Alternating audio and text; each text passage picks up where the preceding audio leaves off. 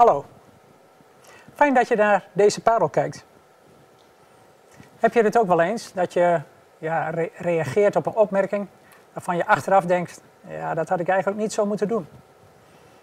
Of dat je dingen doet die, ja, waarvan je weet, ja, dat moet ik eigenlijk niet doen.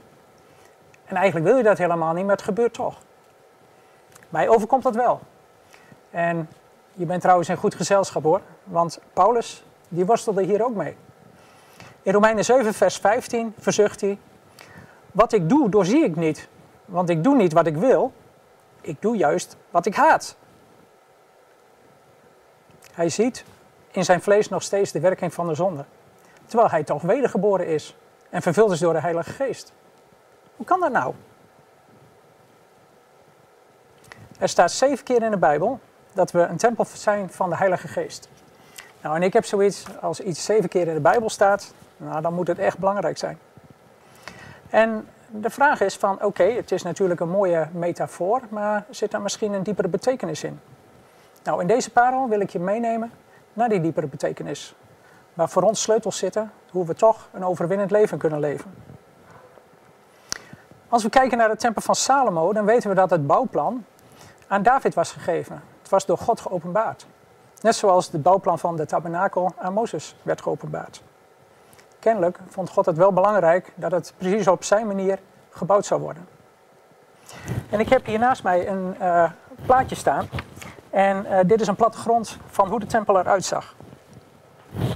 En als ik uh, daarnaar kijk, dan allereerst zie je drie plateaus. het hoogste plateau waar de tempel zelf op stond. Een lager plateau, de binnenste voorhof. En het allerlaagste plateau, de buitenste voorhof. Als ik daar naar die tempel kijk, dan vind je in het eigenlijke tempelgebouw drie ruimtes. Eh, het heilige der heiligen, de eerste ruimte, of de achterste ruimte, dan het heilige en de voorhal. En die drie ruimtes waren compleet verguld, dus compleet met goud bekleed. Buiten de voorhal stonden nog twee pilaren, twee enorme bronzen ja, dingen. En het bijzondere van die twee pilaren is dat ze namen hebben. De ene heet Jachim en de betekenis van die naam is in zijn raad. En de andere heet Boas, wat betekent in zijn kracht. Vervolgens zie je hier omheen, om de tempel, ook nog allerlei kamers. Want om de tempel heen was een houten uh, bouwwerk opgericht met allemaal kamers daarin. En het doel van die kamer was om uh, daar de geschiedenis van Israël in te bewaren. Maar ook als bergplaats voor de voorwerpen van aanbidding die de priesters gebruikten. Ik denk dat deze plattegrond de architectuur van een mens voorstelt. God zegt in zijn woord, wij zijn een tempel van de Heilige Geest. Daarvoor eh, heb ik dit plaatje.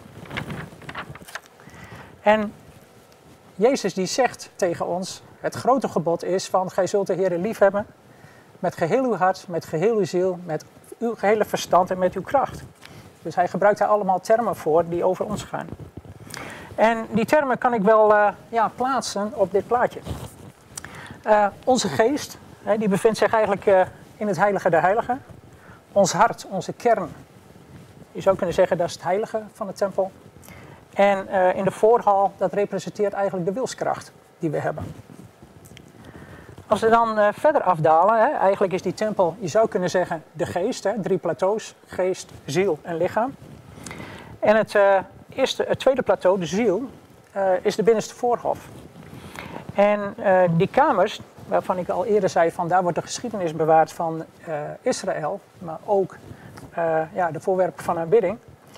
Dat zijn voor ons eigenlijk is ons binnenste. In de spreuken vind je zo'n opmerking. En wat wij daarin opslaan is eigenlijk onze eigen geschiedenis. Onze ervaringen die we hebben. Misschien wel de pijn wat ons is aangedaan. Die stoppen we daar weg. Nou, als laatste, het laatste plateau is het lichaam. Nou, dat is natuurlijk mooi, hè, van oké, wat heb ik daaraan? Nou, misschien is het uh, goed om te beseffen wat er eigenlijk gebeurt als je wedergeboren wordt. Want de christen, dat is een tempel van de Heilige Geest, en niet-christen niet.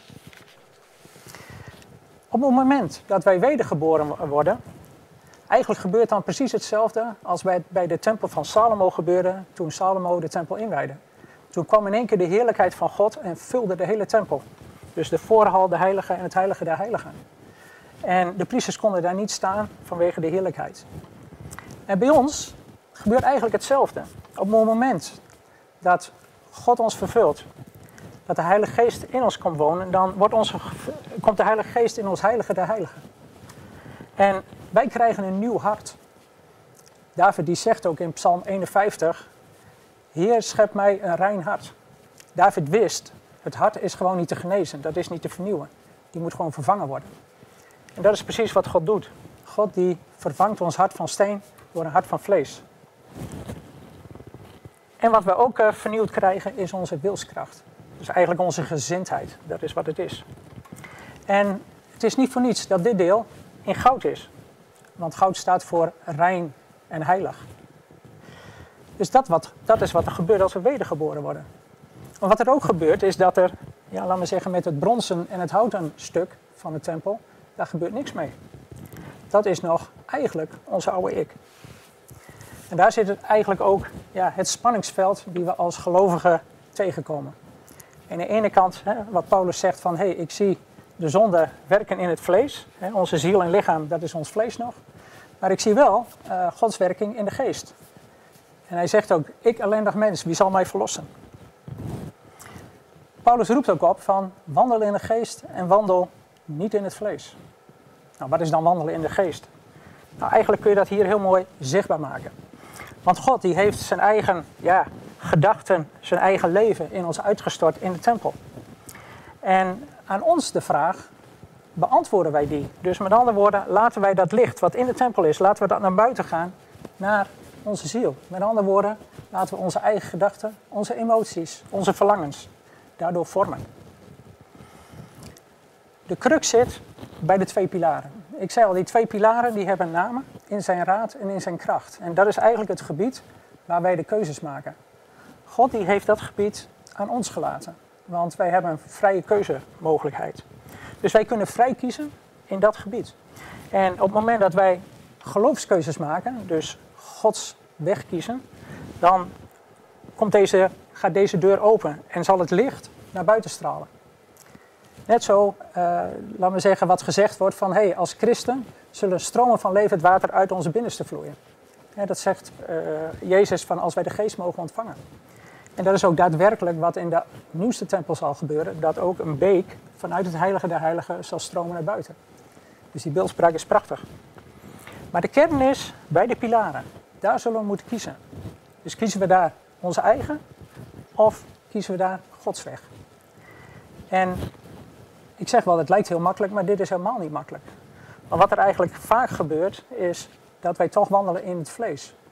En hoe komt dat?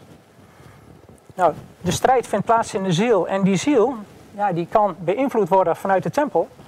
Maar die zal ook beïnvloed worden van buitenaf. En wat nog een veel sterkere werking is, is de uh, werking vanuit de binnenste, vanuit de kamers. Hoe vaak gebeurt het niet als je iets tegen iemand hebt en je komt die persoon tegen, dan begin je eigenlijk al te zweten en word je al boos, terwijl er niks gebeurd is. En die emoties en die gedachten die komen naar boven, door, ja, die worden gevoed bij wat in het binnenste zit. En dat is een hele sterke kracht, tenminste, ik herken dat heel sterk.